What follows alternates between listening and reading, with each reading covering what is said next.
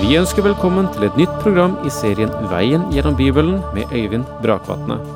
Denne studieserien er produsert av P7 Kristen Riksradio og bygger på serien Through the Bible av Vernon McGee. I dag fortsetter vi med profeten Joel.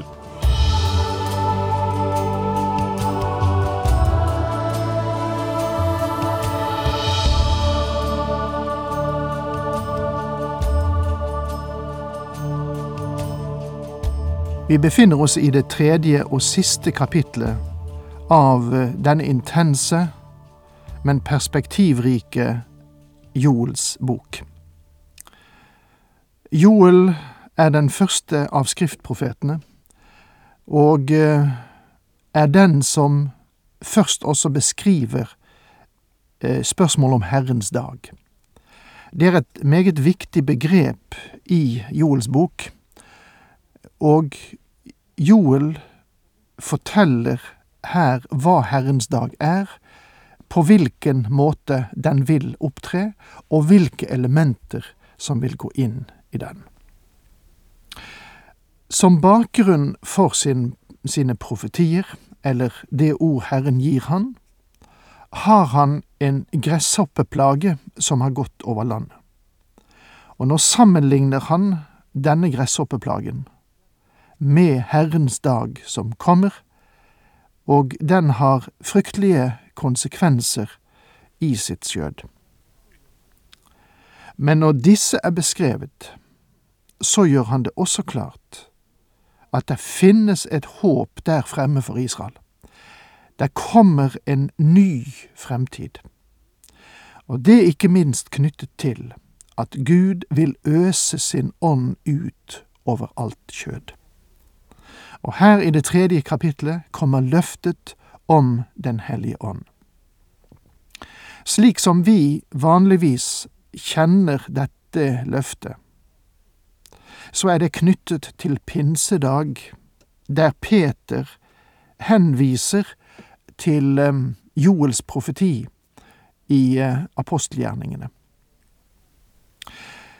Nå er det dem som mener at um, Joels profeti oppfylles på pinsefestens dag.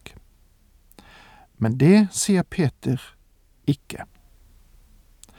Denne profeti er ikke uttømt i sitt innhold gjennom pinsedag.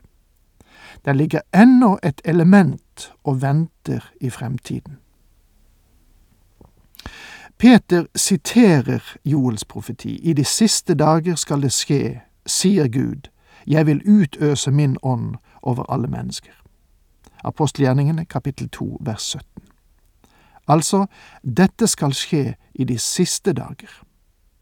Da skal Guds ånd utøses over alt kjød. Og jeg stiller igjen spørsmålet, ble det oppfylt på pinsedag? Neppe. Det ble opplevd av de som er beskrevet tidligere i apostlenes gjerninger, og 3000 ble frelst. Selv om det hadde vært 300 000 som var blitt frelst, så ville det ikke vært en utøsing av Ånden over alle mennesker. Det ville selv ikke da vært en oppfyllelse av Joels profeti. Noe omskrevet sa Peter til dem. Spott ikke over det dere nå ser. Dere bør kjenne igjen signalet fra Guds eget ord, der Joel sier at dagen kommer når Gud vil utøse sin ånd over alle mennesker. Om den bare blir utøst over noen få mennesker i dag, så bør dere ikke være overrasket over det. Peter fortsatte med å sitere resten av Joels profeti angående det som ville finne sted. Jeg lar gjærtegn vise seg oppe på himmelen og tegn nede på jorden, blod, ild og røkskyer.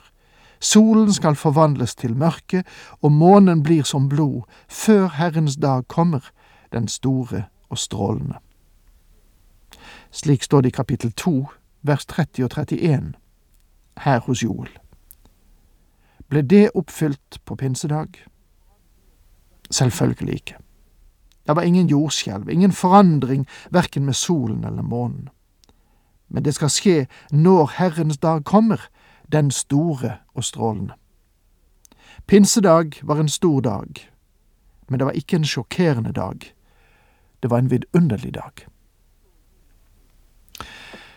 Mine venner, om vi forstår Joels bok, så vil du ikke kunne fastholde at Peter sa at Joels profeti var fullbyrdet i og med pinsedag. Simon Peter brukte bare Joels profeti som en introduksjon i sitt svar til dem som spottet. Men nå dukker et annet spørsmål opp. Hva var selve temaet for Simon Peters tale? På pinsedag var hovedtema i Simon Peters preken den Herre Jesu Kristi oppstandelse. Og når han kommer til dette temaet, bruker han Salme 16, versene 8-10, som talte om Kristi oppstandelse. Legg merke til hvordan han tillemper dette på Kristus. Gud oppreiste denne Jesus, og vi er alle vitner om det. Han ble opphøyd til Guds høyre hånd og mottok av Faderen Den hellige ånd som var lovt oss, og utøste den. Dette er det dere ser og hører. Versene 32 og 33 i apostelgjerningene kapittel 2. Konklusjonen både på Joels og Peters forkynnelse er, og det skal skje, at hver den som påkaller Herrens navn, skal bli frelst. Og dette er et av de mange vers som får meg til å mene at den største frelsesepoke er den som ligger foran oss. Jeg tror at Gud vil frelse flere enn de som går fortapt. Og jeg er enig med Spurgeon som sa at han trodde at Gud ville vinne flere for seg selv enn det som ville tapes. Når Kristus kommer til jorden for å opprette sitt rike, så vil det være den største omvendelsesperiode verden noensinne har sett. Også under den store trengsel vil mange vende seg til Herren, langt flere enn det som skjedde under kirkens epoke.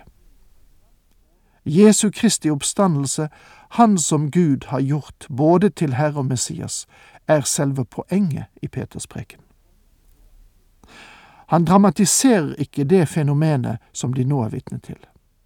Det viktige er å komme og lære Jesus Kristus å kjenne.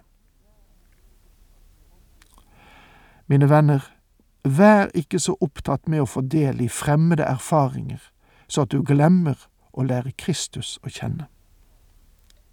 Hvilken plass har han i din tenkning, i ditt liv, i din tjeneste? Denne delen som vi nå har gått igjennom, er eh, hyperviktig når det dreier seg om Joels profeti.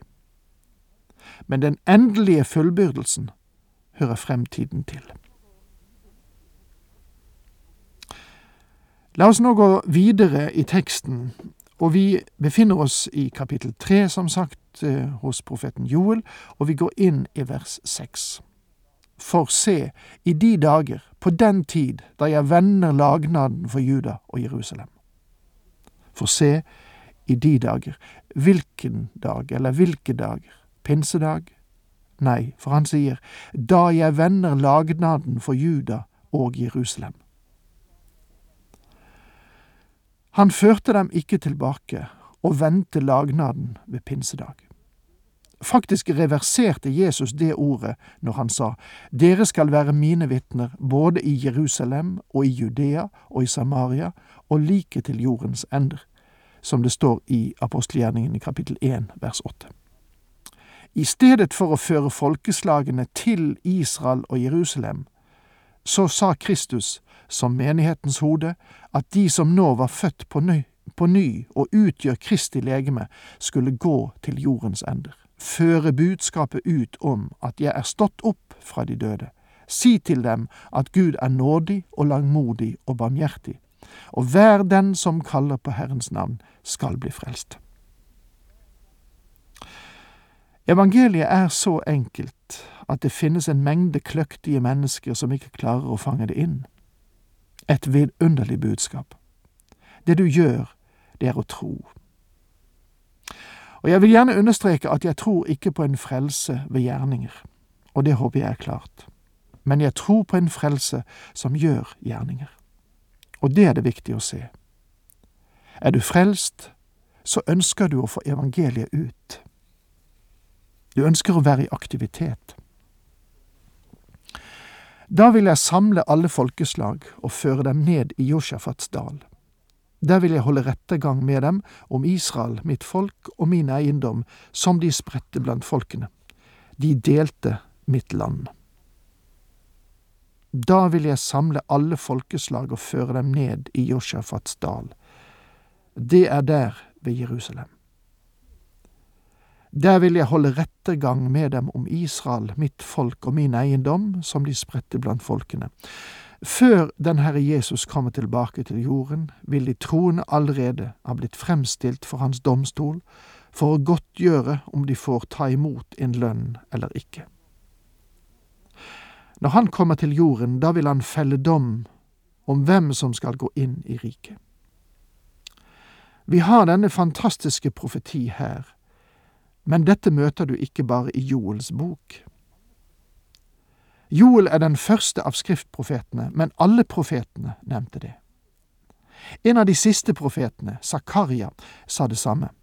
Han sier i kapittel 2, vers 14-15, Fryd og gled deg, Sions datter, for se, jeg kommer og tar bolig hos deg, lyder ordet fra Herren. Den dagen skal mange folkeslag slutte seg til Herren, de skal bli mitt eget folk, jeg vil bo hos deg. Da skal du sanne at Herren allherrs Gud har sendt meg til deg. Det er det samme som Joel fortalte folket ved begynnelsen. Dette var deres store håp, deres lysende håp, at Herren ville komme for å opprette sitt rike på jorden, og at Ånden ville bli utøst over alle mennesker. Og kastet lodd om mitt folk, de gav en gutt for en skjøge, og solgte en pike for vin og drakk. Det er noe forferdelig Joel beskriver her.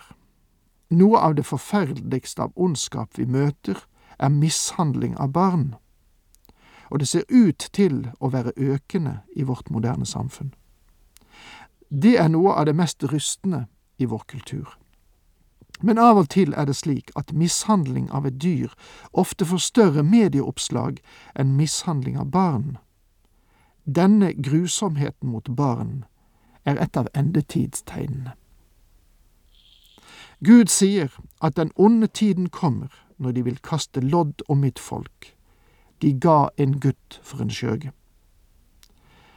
Hvor mange fedre er det i dag som setter et godt eksempel for sine sønner? Og solgte en pike for vin.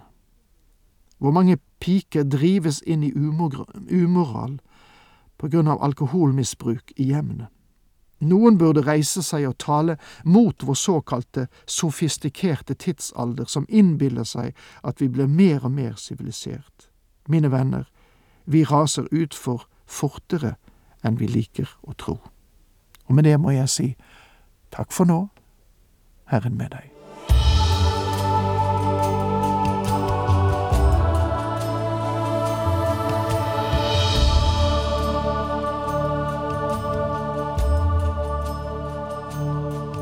Du hørte Øyvind Brakvatne i studieserien Veien gjennom Bibelen. Serien bygger på et manus av Vern McGee.